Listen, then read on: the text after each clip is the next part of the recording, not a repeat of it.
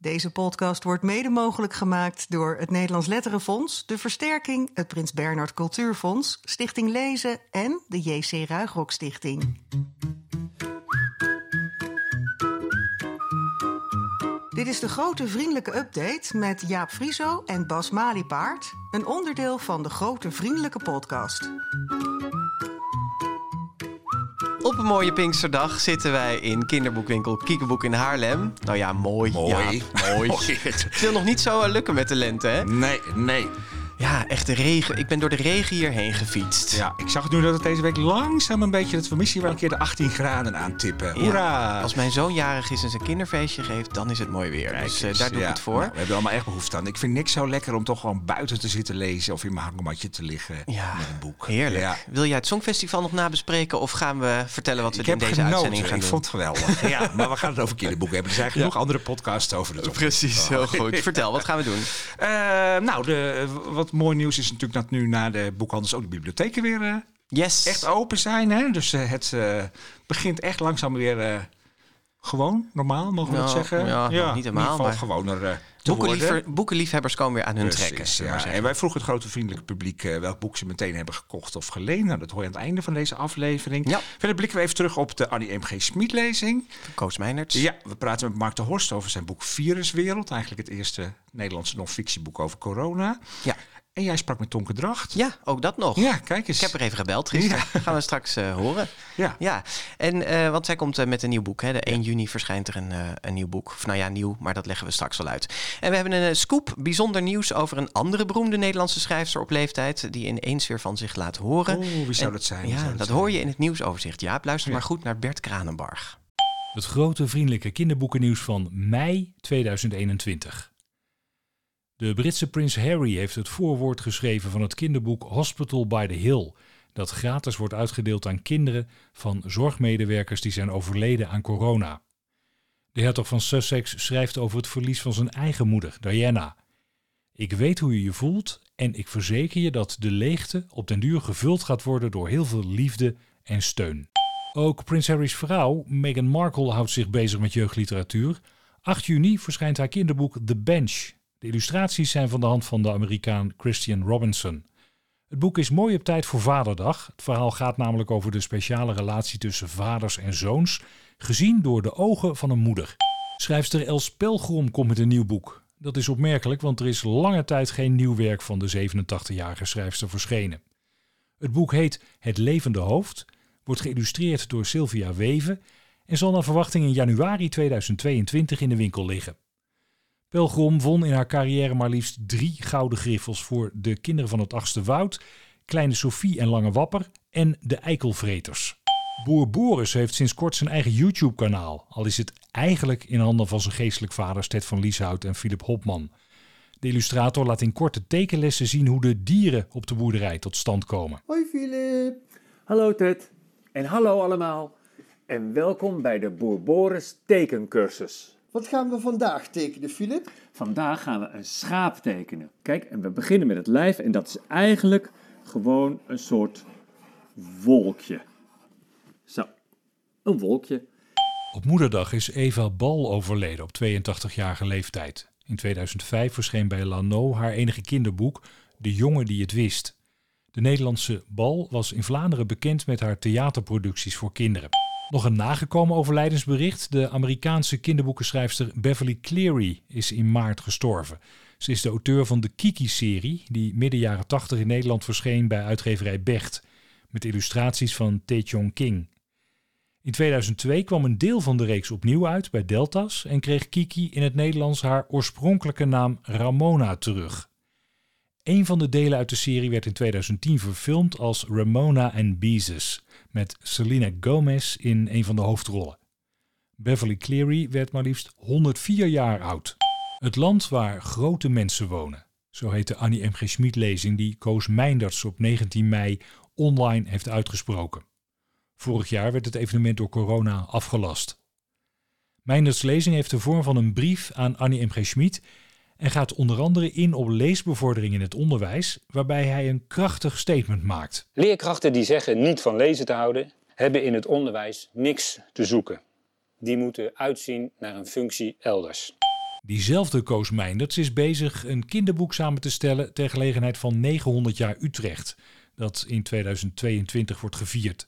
Verleden, heden en toekomst van de stad Utrecht moeten aan bod komen in het boek, dat hij samen met andere auteurs zal schrijven. Een deel van de oplagen wordt gratis verspreid onder kansarme kinderen. In Engeland wordt een handgeschreven brief van Roald Dahl geveild, die de beroemde schrijver in 1989, dat is een jaar voor zijn dood, aan een fan schreef. Bibliothecaris Christine Wotton had de brief 30 jaar in haar bezit en wil er nu afstand van doen. Daal schrijft haar onder andere dat hij weinig boodschappen in zijn boeken stopt. Het meeste is pure fantasie. Wie een bod wil doen, de veiling is op 15 juni. De verwachte opbrengst zo'n 800 pond. Aukelien Weverling is de nieuwe kinderboekenrecensent van NRC Handelsblad. Zij en Mirjam Noorduin zullen elkaar afwisselen. Recensent Thomas de Veen zal nog slechts sporadisch over jeugdliteratuur schrijven. Weverling is zelf schrijver van boeken voor volwassenen, zoals Het Land en In alle steden. Nog meer NRC, de krant is een literaire podcast begonnen, Tussen de Regels, waarin af en toe over kinderboeken zal worden gesproken. In de derde aflevering ging het bijvoorbeeld over de vraag of de Harry Potter-serie het wereldbeeld van een hele generatie heeft bepaald. In het begin uh, lijkt het allemaal heel erg duidelijk, het verschil tussen goed en kwaad. Net zoals kinderen eigenlijk denken dat dat heel duidelijk is. En ik denk eigenlijk dat in Harry Potter de ontwikkeling die hij doormaakt, is dat hij er steeds meer achter komt dat de mensen uh, die hij op een voetstuk had geplaatst, ja, dat die allemaal niet zo onfeilbaar zijn eigenlijk als hij had gehoopt of had gedacht. En dat is denk ik iets wat heel veel jonge mensen meemaken natuurlijk. Je ouders vallen van hun voetstuk, je helden vallen van hun voetstuk. De podcast is alleen te beluisteren in de NRC Audio app. Nog een nieuw boekenprogramma, maar dan op tv. Brommer op Zee met Wilfried de Jong en Rut Joos wordt op zondagavond uitgezonden door de VPRO en Canvas. In de afleveringen die tot nu toe te zien waren, kwam slechts één kinderboek aan bod. Het programma tipte het prentenboek We moeten allemaal feminist zijn. Milo Freeman bewerkte het spraakmakende pleidooi van de Nigeriaanse auteur Chimamanda Ngozi Adichie voor kinderen. Een verborgen verhaal in een game. Spelers van het populaire Assassin's Creed Valhalla kunnen een verhaal van Margje Woetero tegenkomen in hun game. Het is onderdeel van een leesbevorderingsprogramma van de Leescoalitie in samenwerking met Ubisoft, waarmee wordt geprobeerd om gamende jongeren enthousiast te maken voor lezen. Het gaat om een pilot waarbij wordt onderzocht wat het effect is op zowel het lezen zelf als het imago van lezen onder de gamers. En de winnaars van de Vlaamse kinder- en jeugdjury in zes verschillende leeftijdscategorieën zijn bekendgemaakt. Een van de winnaars is een boek dat we in de GVP tipten, De Veger van Jonathan Auxier. De Vlaamse kinder- en jeugdjury gaat vanaf nu verder onder de nieuwe naam de Leesjury. Volgens de organisatie is die naam recht toe recht aan en maakt hij duidelijk waar het om gaat: boeken, lezen en beoordelen. Yes, een koninklijk kinderboek komt eraan. Ja, en dat krijgt al meteen veel aandacht, hè? Ja. Meghan Markle, alles wat Meghan Markle doet, krijgt veel aandacht. Zeker Dus weten. ook dit kinderboek. We hebben het even nagevraagd, maar het is nog niet bekend. Het wordt natuurlijk in Nederland uitgegeven, Ongetwijfeld, maar nog ja. niet welke uitgever, want de biedingen waren nog niet eh, begonnen. Dus die mogen binnenkort hun portemonnee eh, trekken. En eh, nou ja, er staat wel in een kleine traditie hè, van, van prinsen en prinsessen die eh, kinderboeken schrijven. Sarah Ferguson is misschien wel de bekendste. Dus de vrouw van prins Andrew, toch? Ja, voormalig vrouw Oh, van oh Prins ja? Andrew. Oh, ja, hier, uw royalty Ja. journalist. Precies, ik zit daar niet zo goed in. Maar zij schreef zeven boeken over Butchie, de kleine helikopter. Ik En- ken ze helemaal niet hoor, die boeken. Nee, ik weet wel dat het toen wel eens voorbij is gekomen. Maar Er is wel een tv-serie van gemaakt, zag ik toen ik het googelde. ja, maar- inderdaad. Ja, Ja. ja. En we hebben natuurlijk prins- prinses Laurentien in Die boek- Nederland. die boeken kennen we wel, over eh Mr. Finney. Dat ze samen met eh Si Postuma maakte. En ja, wat opvalt is wel vaak dat er dan toch een soort maatschappelijk thema in verweven wordt. Hè? Of dat het in combinatie met een goed doel is eh, Ja. of zoiets. Dus niet zozeer vanwege hun literaire aspiraties, maar er is altijd wel een soort boodschapje in. Ja, en het zal je misschien verbazen, maar ik ben toch best benieuwd naar dat boek van Meghan Markle. En dat is niet zozeer om haar tekst, Nee. waar ik niet heel veel van verwacht, maar wel om de illustraties van Christian Robinson. Dat is een Amerikaanse illustrator eh, waar ik al veel van heb langs zien komen, maar dan in Amerika. Oké. En die maakt echt prachtige dingen. En er is eh, volgens mij nog niks in het Nederlands eh, verschenen van zijn hand. Nee. En dat, uh, dat wordt tijd, want het zijn echt mooie dingen die hij maakt. Nou ja, misschien blijkt Meghan Markle toch ineens best goed te kunnen schrijven. Ja, laten we niet te cynisch zijn, precies. inderdaad. Ja. hey, maar het, de scoop. De scoop van deze aflevering. dat is toch echt wel bijzonder, hè? Daar werden wij ineens uh, op getipt dat Els Pelgrom met een nieuw boek komt. Ja, ja dat is lang geleden, want ze, heeft, uh, ze is gedebuteerd in 1962 en ze heeft tot 2000 eigenlijk vrij gestaag doorgeschreven. En toen is ze gestopt. Ja, veel mensen zullen toch een beetje denken, Els Pelgrom, Els Pelgrom. Ja, ja terwijl ze toch drie gouden griffels heeft gewonnen. Ja. ja. Maar goed, toen heeft ze, dus in 2000 is ze ongeveer gestopt met schrijven. Uh, toen had ze, ja, ze was er ook echt klaar mee voor zichzelf. Toen werd ze in 2006 uh, en 2007 werd ze nog gevraagd om Griekse mythen te bewerken samen met Tae King voor uitgeverij Lano. Dat heeft ze toen nog gedaan. En uh, sindsdien hebben we niks meer gehoord. Maar er komt dus nu bij uitgeverij Luiting Seidhof ja. een nieuw boek. En dat is ook opmerkelijk omdat haar vorige werk allemaal bij Querido is verschenen. Dus ze stapt over. Ze stapt over, ja. ja. En dit is een, ja, belooft een beetje een absurdistisch verhaal te worden. We hebben een kleine synopsis gekregen, die zal ik niet helemaal voorlezen. Maar het gaat over een gekko die al een tijdje in het huis van een oude mevrouw woont. Als hij in de slaapkamer een kaal hoofd ontdekt. Vind ik al een heerlijk. ja. ja. En dat hoofd dat ligt in bed en leest een boek. Of boek na boek staat er, terwijl het de bladzijde met een stokje in zijn mond omslaat. Nou ja, goed, er ontstaat een soort vriendschap tussen die gekko en dat hoofd. Nou ja, wat dat allemaal precies gaat worden, dat uh, klinkt, uh, klinkt in heel spannend. Klinkt veelbelovend, ja. En het is natuurlijk bijzonder dat, dat Luitingseidhof nu eigenlijk een beetje navolging van wat er met Paul Biegel is gebeurd. Hè. Die ja. boeken gingen ook naar een andere uitgeverij. Ja, want Luiting gaat ook uh, de backlist van, dus de vorige boeken van ja. Els Pelgrom opnieuw uitgeven. In elk geval hebben ze ons laten weten, Kleine Sofie en Wapper, wat natuurlijk eigenlijk haar beroemdste boek misschien ja, wel is. dat vind ik toch ook wel mooi, dat dat dan weer gewoon opnieuw in de aandacht krijgt. ja, zeker. En De Kinderen van het Achtste Woud en De Eikelvreters en Bombay, dat is haar kinderboekwijkgeschenk. Ja. Uh, dat uh, gaat waarschijnlijk ook allemaal opnieuw verschijnen in de loop van 2022 en misschien al wel iets later. Hey, dat nieuwe boek Het Levende Hoofd, dat wordt full color geïllustreerd door Sylvia Weven. En wij hebben de cover al gezien, zag er mooi uit. Ja, um, ja dus wat ik trouwens ook nog wel leuk vond, Jaap, ik zag dat ze in 1980 een, zeggen, een boek heeft. Ja, maar dat heb ik net in het draaiboek gezet. Dat had je okay, nog niet kunnen nee. zien. Um, uh, heeft ze een boek geschreven dat heet Drie Japies. is nu al mijn favoriete boek. Maar ik vond één Jaapie vind ik wel genoeg eigenlijk. Maar, oh, oh, dit wil je graag Dit wil ik graag zeggen, ja. Nee, maar, nee maar goed, we kijken er naar uit. Ja, uh, bijzonder dat zij met nieuw werk komt. En uh, nou ja, ik ben benieuwd. Ja, en een, een ander fenomeen ja, qua Tonke. op leeftijd zijn de schrijfsters die Zeker van weten. naam Tonke Dracht, ja. Tonke Dracht op 1 juni dan verschijnt er een, uh, een nieuw boek van Tonke Dracht, De strijd om de hartenkoningin. En uh, ze noemt dat zelf een melodra melodramatisch verhaal, waarin een uh, kaartspel tot leven komt.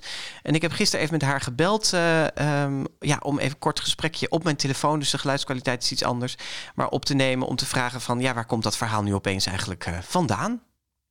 Tonke, binnenkort verschijnt uh, De strijd om de hartenkoningin. Uh, dat heb je 65 jaar geleden geschreven. Waarom is het niet eerder gepubliceerd? Oh, het was te duur. Hey, ik, het, het, een grap, het is een vakantiegrap. En uh, ik wou het wel uitgeven, want toen het klaar was dacht ik... Ah, dat is toch wel een, een leuk verhaal. Een soort stripverhaal. Maar het was te duur, want het moest in kleur natuurlijk. De schoppenhart eruit, de klaver. Nou ja, de, schoppenboer moet zwart zijn. En de hartenkoningin moet, moet een rood hart hebben natuurlijk. Anders is er geen aardigheid aan. Ik was een onbekend schrijfster ook nog natuurlijk. Ik was net begonnen met schrijven. En wie had nou ooit nog van Tonke Dracht gehoord? Tonke Dracht uh, moest toch beginnen met schrijven voor de brief voor de koning. Had ze nog helemaal niet geschreven. Het eerste boek is verhalen van tweede gehoord. En maar toen op een gegeven moment, na zoveel jaar, kwam het weer tevoorschijn. Dat is kort geleden. Hoe lang geleden is het tevoorschijn gekomen? Met rommel, alle rommel opruimen. En toen zei man, je uh, uitgeverij zag het, zei, oh dat is leuk. En zei ik, nou ja, uh, ziet er sommige dingen onbeholpen. Maar het heeft een vrijheid toch. En een, en een uh, die je zo vaak kwijtraakt, een beetje. Want ik heb een heel klein inleidingje bij geschreven. Dat het gewoon jeugdwerk is. Dan zie je het tonkerdracht. Vroegere stijl van tonkerdracht. En jij, hoeveel, jij wist hoe lang het, lang het geleden was. Dat hebben we nog uit zitten rekenen. Van hoe, welke jaren ik toen in Zwitserland met vakantie was. En jij schijnt 25 te zijn geweest toen je het, uh, toen je het schreef. Dat, dat was wel, want ik heb op mijn 25 of mijn 24e eindexamen van de academie gedaan.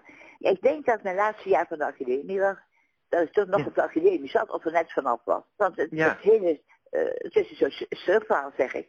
En die kaarten komen tot leven in een schriftverhaal. En je zei, je hebt het geschreven toen je nog jong en onbekend was. Je was op vakantie. Ja, ik was op vakantie. En de, en de avonduren, en we zaten ergens in Zwitserland, was er niks te doen. Dus wat ging je doen? Lezen. Of kaartspelen. Eén tante zat te breien en uh, sommigen lazen. Maar op een gegeven moment waren ze laten kaartjes spelen. En ik was aan het tekenen. Want ik, dag tekende ik bij Zwitserse bergen en meren. En, en s'avonds begon ik gewoon um, door het ge, gepraat van die kaartspelen uh, een verhaal daarbij te schrijven. Ik had geen flauw idee hoe het af moest lopen. Maar het hing ook een beetje af van uh, hoe het kaartspel liep. We zaten elkaar te overtroeven. Soms gingen ze maar soms wilden ze ook ernstig. Gingen ze britsje. En dat was net dan dat troef en zo. Dus alle jargon van het kaartspel zat erin. Nou, ik ben heel benieuwd hoe het eruit ziet. Hey, en dan ja, ben je ja. ook nog uh, met Rindert Kromhout, heb je ook nog gewerkt aan een nieuw boek, begrepen wij. Ja, dat, heb, dat hebben we inderdaad gedaan. We, dat hebben we samen verzonnen. Maar Rindert heeft het meeste schrijfwerk gedaan. Maar, en het speelt dus in, in mijn huis. Maar daar hebben we een hele netwerk van onwaartse gangen in verzonnen. Oh, wat grappig. En, en, en hoe was dat voor jou om dat samen met hem te doen? Heel gezellig, leuk. Maar nu dan hadden we ook nou, lekker een twistgesprekje. Nee, dat moet weg en dat moet weg. En uh, het was namelijk, we zouden samen boekjes gegeven voor kinderen die niet van lezen houden. En hoe kunnen kinderen dan niet van lezen houden? En dan zouden wij er samen een boekje voor maken. Om kinderen meteen aan het lezen te krijgen. En hoe we dat bij het verhaal gekomen zijn, weet ik niet meer. Maar dat verhaal groeide ook boven onze handen uit, als je begrijpt wat ik bedoel. Maar het ja. gaat wel over iets wat mij na aan het hart ligt. En dat jij dat, dat ben jij, want jij hebt, jij hebt opgeschreven, maar jij hebt het altijd over deuren. En wat een belangrijke rol in het verhaal speelt, is een deur. En wat is er achter die deur? En er is een een of andere beroemde schrijver, en die heeft in huis een deur en die nooit open gaat. En wat is er achter die deur? Ah. En een poes. En dat is een poesenhoofd, want ik had altijd thuis een poes. Ja, en, die, en de poes zat ook op de omslag. De hele de illustratrice heeft het verhaal goed begrepen, want de poes staat klein maar dapper op de omslag. Nou, het klinkt allemaal heel spannend. Ik ben, ik ben zeer benieuwd naar alle nieuwe boeken, maar we gaan dus eerst uh, uh, bekijken hoe de strijd om de hartenkoningin eruit ziet. Uh, Tom ja. Ik wil je heel erg bedanken ja, voor ja. je... Dankjewel. Geen dank, zeg ik dan. Geen dank. Ah, Tonke. Ja. ja Zo'n beetje onze Tonke inmiddels. Hè? Vriendin van de show, zeggen nou, we ja, dan. ik moet toch wel denken hoe het daar bij haar staat. En als je er nu weer hoort. En ja, ze wordt maar ouder en ouder. En zoveel energie nog. Het is echt, ze heeft echt veel enthousiasme voor haar werk. En veel energie inderdaad nog. Ja, ze kletst jou de oren van het hoofd, hè, als je haar belt. Ja, dat, ja. Is, dat gaat maar door inderdaad. Ja, maar uh, ja, hartstikke leuk. En uh, nou, ze, kijkt, ze had het boekje nog niet gezien. Het zat okay. nog niet bij de post. Maar misschien had het met Pinksteren te maken. Dus ze kijkt er erg naar uit om de strijd om de hartenkoningin uh, eindelijk in handen te hebben. Ze heeft het ooit op correspondentiekaarten, dus op Ach, vakantie, getekend. Ja. En het was oorspronkelijk ook helemaal niet bedoeld om uit te geven. Maar ja, nee. ze vond het toch heel aardig. En uh, ze gaat het nu voor het eerst in haar leven echt in druk zien. En wij dus ook. Het verschijnt op 1 juni bij uitgeverij Leopold. Er schijnen zomaar twee nieuwe tonkendrachts dit jaar. Zeker. Bijzonder, ja. ja. Hey, de Annie M. G. Smit uh, lezing. Ja. was het dan toch eindelijk, hè, na een jaar uitstel en online? We hebben er lang op moeten wachten. Ja. Vond je het heel anders online? Nou ja, je hebt natuurlijk niet de sfeer van dat je bij elkaar in zo'n zaal zit of zo. Maar nee. ze hadden het mooi gedaan. Uh, Koos Meinert sprak hem dus uit. Hij stond in het kinderboekenmuseum. En uh, zo'n mooie achtergrond daarachter. En uh, ja, nee, ik, ik vond het ja. prettig kijken. Kon prima op concentreren zo. Ja, ja, ja absoluut, Je absoluut. mist de nababbel, zeg maar. maar en inhoudelijk? Ja, inhoudelijk. Uh, het, uh, hij, hij had eigenlijk als rode draad een beetje uh, de leesbevordering in het onderwijs. Zoals Bert ook in het nieuwsoverzicht al zei. Hij ging een beetje terug naar zijn eigen jeugd. Hoe hij een, een leefkind was in plaats van een leeskind. Ja. maar dat toch dankzij een leerkracht op de basisschool, volgens mij een, een mannelijke leerkracht, een meester. En op de middelbare school een juf. Dat hij toch aan het lezen is geraakt. En doordat hem veel werd voorgelezen en goede boeken werden aangeboden en zo. En, uh, ja, eigenlijk dat hij eerst echt gewoon goed heeft leren lezen. Ja. Dat is eigenlijk belangrijk. Ja. En daarna vervolgens ook gewoon plezier in het lezen heeft gekregen. Dus eigenlijk gewoon echt het belang van die inspirerende ja. lees. Ja, daar, daar, dat was volgens mij wel echt een beetje de rode draad door ja, zijn verhaal. Dat, ja, dat verweeft hij dan met leuke gedichtjes. En, uh, ja, hij had veel, veel mooie dingen. teksten, liedteksten en gedichten. En ja, uh, ja. ja, dat vond ik leuk. Ja, maar hij ging er ook wel redelijk met gestrekt been in. Hè? Van je hebt uh, niks in het onderwijs te zoeken als je niet van lezen houdt. Als je daar niet heel erg je best voor doet. Nou, verder deed hij nog een oproep aan de landelijke overheid om de bibliotheken te steunen. een grote pot geld te geven en vervolgens ook niet meer met ze te bemoeien, maar ze lekker hun gang te laten gaan. Dus zo zaten er wel een paar. Die uitspraak over, over eh, die, die kennen we natuurlijk ook wel van Bart Moejaert al. Ja, Hè? Over ja. die meesters en juffen. En als je, als je niet le- van lezen houdt, dan heb je niks in het onderwijs te zoeken. Ehm, eh, dus op, in die zin vond ik dat niet een heel verrassende uitspraak. Maar het was goed dat die weer even herhaald werd. Maar dat is het toch vaak op dit gebied van leesbevordering. Dat je denkt, ja, het is niet heel nieuw, maar het is goed dat het gewoon weer gezegd Ja, en, wordt. en Koos Meijners kan het natuurlijk weer op zo'n fijne, onderhoudende manier vertellen. Inderdaad, gelardeerd met allerlei prachtige teksten uit zijn eigen oeuvre en een paar teksten van anderen. Ja. En dan zit je er toch weer heerlijk En zo. hij was ook eh, echt wel actueel. Ik had niet het gevoel dat hij de toespraak of de, de, de voordracht die hij voor vorig jaar had geschreven. Weet je, er zat nu zo'n grapje over functie elders. Dat is echt gewoon actueel. Dus hij had ook echt wel aangepast aan. Ja, eh, dat verwijst naar een politiek relletje in Nederland. Even voor de Vlaamse luisteraars. Ja, Oké, ja. Eh, ja, Dat denk je altijd aan. Ja, daar goed. denk ik altijd heel goed aan. nee, en hij noemde het nieuwste boek van Mirjam Maus. Dus hij had echt, echt de, de, de, ja, de Ja. nieuwste actualiteit. De nieuwste actualiteit. Nou ja, goed, eh, het was actueel inderdaad. Ja. Ja, nou. En eh, ehm, jij, jij had een favoriet stukje wat Ja, je zullen nog we dat wilde, nog even naar luisteren? luisteren? Ja, dat, dat gaat eigenlijk over eh, dat hij zegt van, dat vond ik nog wel mooi over van ja, wij, wij als schrijvers moeten gewoon schrijven en niet zozeer ons laten leiden door boodschappen die we in ons boek moeten verweven. Maar een kinderboek mag wel ergens over gaan. Als het verhaal maar niet in dienst staat van welke ideologie dan ook. Nog in die van conservatief rechts, nog in die van progressief links. Een verhaal moet in dienst staan van zichzelf. Bevrijd ons van de pedagogiek. Opvoeden doe je met thuis. Kinder- en jeugdboekenschrijvers zijn geen verlengstukken van ouders en leerkrachten. Wij zijn schrijvers van verhalen. Dat vind ik mooi. Ja, vind ik ook mooi. Ja, weet je, gewoon bevrijdt ons van de pedagogiek. Het gaat in eerste instantie om het verhaal. Nou, Ja. waarvan akte, zullen we Zeker, zeggen. Ja. zeker. Dan was er nog een brief van Roald Dahl. Wil je daar nog iets over zeggen? Nou, g- gewoon zo'n leuk verhaal Ja. wat dan opeens opduikt in de media. krijgt inderdaad. ook best veel aandacht hè, in de Britse pers vooral. Echt grote Ja. artikelen. Het- Ja. Terwijl die brief, ja, het is twee A4'tjes. En opmerkelijk dat Daal eh, heeft gereageerd op, eh, op een brief die de bibliothecaresse als studenten aan hem heeft geschreven. Ze vond zijn adres achter in een oud bibliotheekboek. Ja. Dus de privacy was destijds iets anders dan tegenwoordig. En hij reageerde eigenlijk nooit op Maar hier had hij dus blijkbaar opeens de geest. En heeft hij twee A4'tjes volgepend. En wat daarin staat, ja, het, het gaat heel erg over... eh, je moet kinderen niet tegen de wereld beschermen. Nou, dat, eh, de- wie de, de daalboeken kent, eh, snapt wel dat Ja. hij dat zegt. Hè? Dus niet in bescherming nemen, maar ze eigenlijk juist eh, blootstellen tegen, aan alle dingen die er in de wereld ook aan akelige dingen zijn. En boeken hebben geen andere bedoeling dan kinderen ehm, eh, ja, eigenlijk lezers te maken. Hè? Dus Ja. van boeken te laten houden. Daar, Ja. Daar komt het op neer. Ja, Koos Meinders had het kunnen zeggen. Ja, precies. Ja, ja, ja. Ja. ja, hij wilde vooral gewoon dat, eh, dat lezers plezier beleefden aan zijn boeken. Ja. En eh, de, de brief is ook eh, als scan online te zien. We zullen even een linkje in de show notes en zetten. Dan wie kunnen eh, mensen dat, 800 pond was het geloof ik, hè? Verwachten Ja. ze zo? Wie dat ervoor over heeft, die mag ik denk dat, er, dat het wel voor meer weggaat, Dat lijkt mij ook, ja. Ja, dat is toch wel eh, uniek.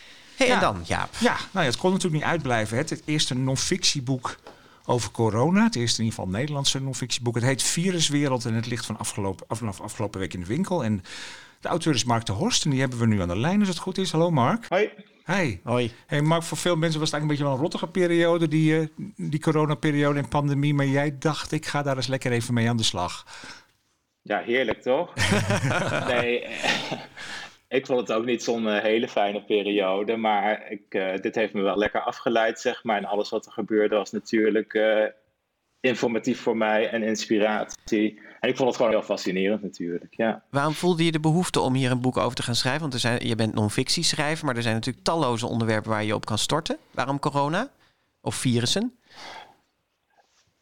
Omdat het mijzelf eigenlijk wel heel erg verwonderde. Ik vond het sowieso, ja, alles wat er omheen gebeurde, zeg maar, vond ik wel eh, erg interessant. Het is toch echt alsof er iets heel nieuws gebeurt, alsof er een nieuw wezen is ontdekt, bij wijze van spreken, wat, eh, wat de hele wereld opschudt. Ja, dan, eh daar sla ik wel op aan, zou ik maar zeggen. Ja. En ehm, ja, en wa- waarom schrijf je daar een kinderboek over? Ik dacht eerlijk gezegd in eerste instantie van, oh, nu gaat iedereen van alles schrijven over virussen. En dus in eerste instantie heb ik dat helemaal niet aangeboden bij de uitgever. En toen op een gegeven moment had ik ze aan de lijn en ik zei tussen neus en lippen door van, goh, een virus, heb je daar nog interesse in? Ja, dat was er nog niet echt, dus daar hadden ze zeker wel interesse in. En ja, het, was voor mij wel een ontzettend pittig onderwerp. Ik had uh, natuurlijk Palm op de Noordpool geschreven over klimaatverandering. Dat was al een pittig onderwerp. Maar ik durfde het, uh, ik vond het een leuke uitdaging, laat ik het zo zeggen. Ja, je hebt ook wel serieuze hulp hierbij gekregen. Onder andere van viroloog Marion Koopmans, die in het Outbreak Management Team in Nederland zit. Wat heeft zij precies gedaan? Uh, zij heeft het uh, allemaal meegelezen. Ik, uh, zeker in het begin heeft ze mijzelf ook wel gemaild. Maar op een gegeven moment merkte je echt dat zij heel erg druk was natuurlijk. Ehm, dus dat ging allemaal via een contactpersoon van haar. En zij had daarnaast gewoon haar hele team wat mij steunde. En met name op het laatst hebben nog een aantal virologen hebben meegelezen... die elk naar hun eigen specialiteit zeg maar, keken. Naar de vleermuizen of naar het DNA... Ja, en hebben, zij er nog dus, veel, ja. uh, hebben zij er nog veel uitgehaald, Mark? Of, of moest je daar af en toe een beetje mee, uh, mee vechten? Dus, uh, alle, allebei, ja. Er zaten dingen bij waarvan ik dacht van... oh, dat is heel goed dat ze dat zeggen, want dat had ik echt verkeerd begrepen. bijvoorbeeld over de testfases die je hebt bij vaccins. maar ze zeiden ook wel dingen ja, waar ik bijna een beetje om moest lachen... omdat ze zich dan ja, te wetenschappelijk opstellen bijna. En ze zeggen, ik zeg bijvoorbeeld van een virus heeft een hekel aan, ik noem maar iets. Uh, nee, een virus kan geen hekel hebben aan iets. Weet je. ja, een virus kan ook niet lachen. en uh, daar zijn ze dan heel strikt in. En de, ja, daar moet ik dan moet ik gewoon de knoop doorhaken en dan denk ik van ja, ik schrijf voor een bepaalde doelgroep, dat is mijn vak. En, uh, ja, ze hebben moeite met die dus, vereenvoudiging en versimpeling soms natuurlijk. Maar ik, ik moet zeggen, ik heb nu een stuk uh, gelezen, Mark. En, en ik vind juist dat je dat heel leuk doet. Dat je bijvoorbeeld het, dat, uh, hoe een virus viral gaat, dat doe je dan eigenlijk aan de hand van iets op internet. Hè? Hoe een kattenfilmpje viral -huh. gaat. En dan maakt het meteen heel inzicht, inzichtelijk hoe dat virus werkt. Want het lijkt me best ingewikkeld. Ja, wat je zegt is echt een moeilijk onderwerp om het behapbaar te maken. Heb je, heb je wel echt alles rond het virus beschreven? Of heb je dingen die veel te ingewikkeld waren, maar terzijde geschoven? Ja, uiteindelijk wel, denk ik. Want ik ben zelf gewoon ook maar een simpele alfa. En uh, dus, dus eigenlijk was alles ook best wel nieuw voor mij. En, uh, en er zijn ook dingen natuurlijk die ik niet tot op het bot begrijp. dus, dus zeker zijn er dingen die er niet in staan. Maar als je zeg maar 128 pagina's voor kinderen vol mag schrijven over virussen dan zijn dit wel de goede 128. Dan is dit wel de informatie die erin moet, vind ik. Ja. En je begint echt met een.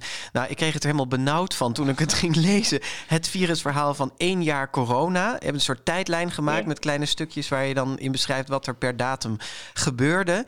En toen dacht ik echt toen ik dat las, wat hebben we een tijd achter de rug. Het was op de een of andere manier alsof het toen opeens keihard binnenkwam van uh, wat we eigenlijk allemaal hebben meegemaakt in een jaar tijd. Had, je dat, had jij dat ook? Dat je door er zo diep in te duiken, dat je ook echt dat gevoel kreeg van dat het opeens tot je doordrong wat er, wat er eigenlijk allemaal aan de hand is geweest de afgelopen tijd? Nou, het is wel grappig dat je dat zegt, want ik wou dat we heel graag. Elk hoofdstuk begint met een virusverhaal. Hè. Steeds ja. aan de hand van een ander virus vertel ik, uh, vertel ik iets over het thema van het, uh, van het hoofdstuk eigenlijk verspreiding of vaccins of wat je tegen kunt doen. Het eerste hoofdstuk gaat dus, uh, het eerste virusverhaal gaat over corona, ook om eventjes weer uh, te vertellen wat daar gebeurde.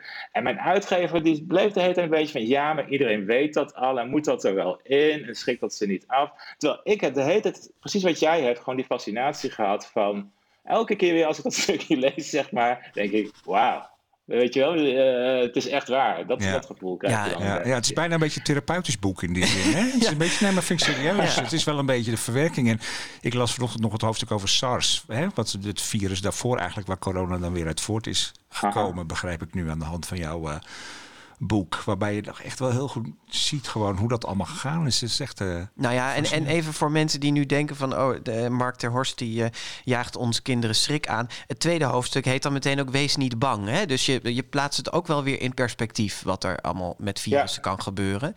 En uh, Jaap die heeft even met ctrl-F in de pdf van dit boek gezocht. Er staat 75 keer... Niet, ik heb zitten turven. Oh. 75 keer de term corona komt erin voor... en 131 keer het woord vaccin. Dus er is ook veel aandacht voor de oplossing. Is het wat dat betreft ook een optimistisch boek? Uh, nou, optimistisch lijkt me een groot woord, maar ik vind wel dat je in zo'n boek uh, alle kanten moet laten zien. En uh, zeker ook ja, handelingsperspectief perspectief noemen ze dat volgens mij. Zo noemen ze natuurlijk, ga je, natuurlijk moet je gaan vertellen wat, wat maatregelen zijn, wat oplossingen kunnen zijn. En zeker aan het einde van het boek gaat het ook over de grotere oplossingen. Van waar, waar komt het echt vandaan, die virusuitbraken? Hebben een beetje aan onszelf te wijten. Dus daar, daar, daar kun je zelf ook wel wat aan doen, maar dan wel ja, eigenlijk met, met, met z'n allen, zeg maar. Ja. ja. Hey, en Mark, hoe ben je omgegaan met toch ook wel een beetje de sceptisch en het, het fake news en mensen die antifaxer zijn, zeg maar een beetje met de andere kant van het corona-verhaal, hè, waar natuurlijk ook kinderen mee te maken hebben, die ouders hebben die zo, zo denken. Is, is, komt, dat, komt dat aan bod?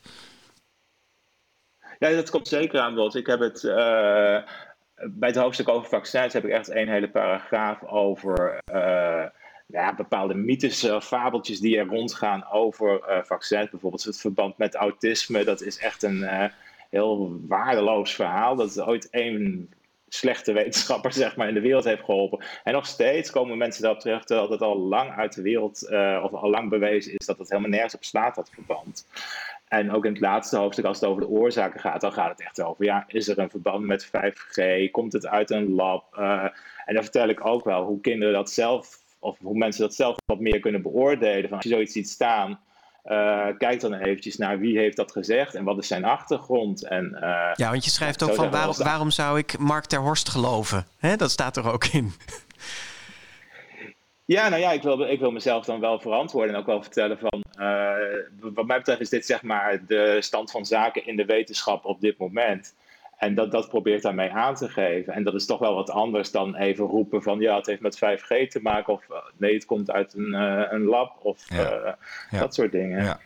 Dus het is ook een, een beetje echt wel een mediawijs boek wat dat betreft. Je geeft handvatten van. Dat zit er zeker in. Maar ja. En het is grappig, dat was bij Paul Motte Noordpol natuurlijk ook. Daar zit ook mediawijsheid in. Omdat ja, het zijn kennelijk zulke grote onderwerpen. Dus iedereen heeft er een mening over. En tegenwoordig gaat het dan ook al gauw over fake nieuws inderdaad. Ja, nou Mark, het is het lichter, viruswereld. Het ziet er ook nog eens prachtig uit hè, met tekeningen van uh, Wendy Panders en allemaal mooie glimlakjes op de voorkant. Ja, dus, uh, en ik hoop, voor ja, jou mooi, dat er, ik hoop voor jou dat er iets anders in de wereld gebeurt waar jij weer door geïnspireerd raakt. Ja, maar dan, dan, liever wat minder iets ellendig dan dit. Ja, ja, ja, precies. Ik, ik, ik, hoop het eigenlijk niet. Ja, ja precies. Ja.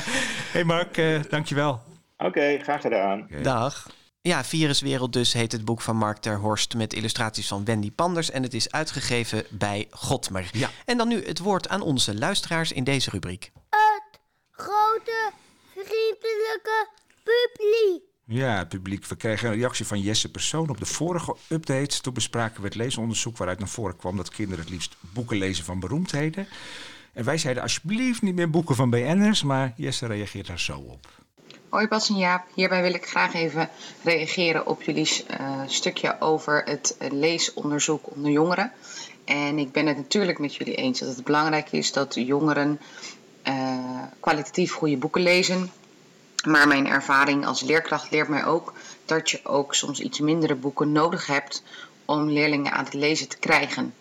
Dus als je dan een ingang vindt, zoals een boek van een BN'er of YouTuber of andere influencer, um, dan laat je leerlingen soms zien hoe goed, gaaf en interessant lezen kan zijn. En als je die ingang eenmaal hebt, dan kun je de volgende opstap gaan maken naar goed kwalitatieve boeken. Um, dus hoewel ik het natuurlijk voor een heel groot gedeelte met jullie eens ben, is het misschien ook wel goed om een heel klein beetje meer, um, iets minder goede boeken, maar van bekende schrijvers te hebben. Ja, dit is natuurlijk helemaal waar. En ja. ik zeg dat zelf ook altijd in alle lezingen die ik geef. Laat kinderen in vredesnaam het plezier van lezen ontdekken. Desnoods met een Donald Duck pocket. Of met een, een boek van een bekende influencer. Ja, het is ook een beetje wat uh, ze nu met die games... Hè, wat in het, het overzicht ja. van het nieuws zat proberen... om op die manier een soort ingang te vinden ja. in, dat lezen. Ja. Maar er zit nog wel één maar oh. bij. Want zij heeft het over die volgende stap. Hè, die dan kinderen of jongeren vervolgens gaan maken... naar andersoortige boeken. Of boeken met uh, meer literaire kwaliteiten. En uh, die stap die moet wel echt goed begeleid worden dan. Weet je? Dan moet je ook echt als leerkracht daarbij zijn en uh, proberen zo'n kind verder te helpen. Ja. Uh, en dat het niet van de ene influencer naar de andere influencer gaat. Precies. Nou ja, dat kun je vooral doen door naar de boekhandel te gaan of naar de bibliotheek. Ja. Wat een bruggetje is dit. Nou, enorm. Ja. Doe je dat goed, ja. En die zijn gelukkig weer open. Dus wij vroegen je, uh, jullie, het pub grootvriendelijke publiek, van welk boek ben je nou meteen gaan kopen of uh, lenen? En daar kwamen de volgende reacties op. En je hoort in volgorde van opkomst Jan van S, Jacques Annemarie, van wie we geen achternaam weten, en Saskia de Boer. Lieve de grote vriendelijke podcast. Uh, Wat ik het meest gemist heb, is om rond te snuffelen als je in de boekhandel bent. Wat ik iedereen aanraad voor de kinderen is Jack en Lef van Zutje en de Vis. Dat zijn Marieke van Zutphen en Patricia de Leeuw. Dat uh, is zo'n boek, een kinderboek, wat ik uh, graag koop voor kinderen van vrienden. Maar stiekem eerst zelf uitgelezen heb. Een van mijn eerste aankopen in de boekhandel was het, natuurlijk, zou ik bijna zeggen, het grote sprookjesboek van Paul Biegel met prachtige tekeningen van Charlotte de Menton. Ik kocht het bij mijn uh, dierbare boekhandel De Tribune in Maastricht, die een prachtige kinderboekenafdeling hebben tegenwoordig. Ik was heel erg blij dat Ingeborg van de kinderboekenwinkel Nijmegen uh, mij uh, Annabelleke, het allerstoutste kindje ter wereld, overhandigde. Want dat boek is al een hele tijd in herdruk en alle kinderboeken worden uitgesteld. Maar ze heeft met de uitgever gesproken en wonder boven wonder is er nog een exemplaar naar boven gekomen. Het heet Annabelleke dus, het allerstoutste kindje ter wereld en is van Mirjam Borgermans en illustraties van Monique van den Hout. Hoi allemaal. Uh, ik heb gekozen voor het uh, Groot Biegel Sprookjesboek. Heb ik gekregen van Moederdag. Mijn kinderen zijn al wat ouder, maar ik ben ook leerkracht van groep 3. En ik ben het boek nu aan het voorlezen in de klas. En de kinderen vinden het in één woord geweldig. Um, we hadden ook al De Kleine Kapitein gelezen. het boek is gekocht bij Stumpel in Heer Hugo Waard. Dus een echte aanrader. Nou, heerlijk weer. Al dat ja, gesnuffel ja. in bibliotheken en boekhandels. En de firma Biegel doet weer goede zaken, zo te horen. Blijf ons uh, mailen met al je vragen en opmerkingen. En vergeet je niet te abonneren op de GVP in je podcast-app. En volg ons ook nog via Twitter, Facebook, Instagram of Goodreads onder slash de GV podcast. En dit zeg ik dus altijd, Jaap, zei je de vorige keer ook, ja. als ik ga afronden. Ja, precies. Ja, want het, maar het, is, er, ja. het zit er ook weer up. Het zit er weer up. Onze update ja. zit er weer up. Op maandag 24 mei, tweede Pinksterdag, in uh, regenachtige sferen namen we deze aflevering op in kinderboekwinkel Kiekeboek in Haarlem. Uh, Mark Brouwer stond weer aan de knop en dank daarvoor. En we zijn er al snel weer, hè Bas? Ja, ja. eind deze week eind zelfs. deze week. Met wie? We gaan Dan... met een Vlaamse schrijfster opnemen. Dat Eindelijk is weer Eindelijk eens. weer. Ja, weer. Ja. Uh, dat is Marita de Sterk. Zij komt met een nieuwe young adult roman uh, Mirakel. Ja. Prachtig ja. titel ook. Ja. En, ja, ik heb daar heel veel zin in. Daar gaan we over praten met haar. Ik heb ook zin in. Nou, en, en dan zijn we er weer. Dus tot dan. Tot dan. Dit was de grote vriendelijke update. Heb je kinderboeken nieuws? Mail het naar info@degrotevriendelijkepodcast.nl.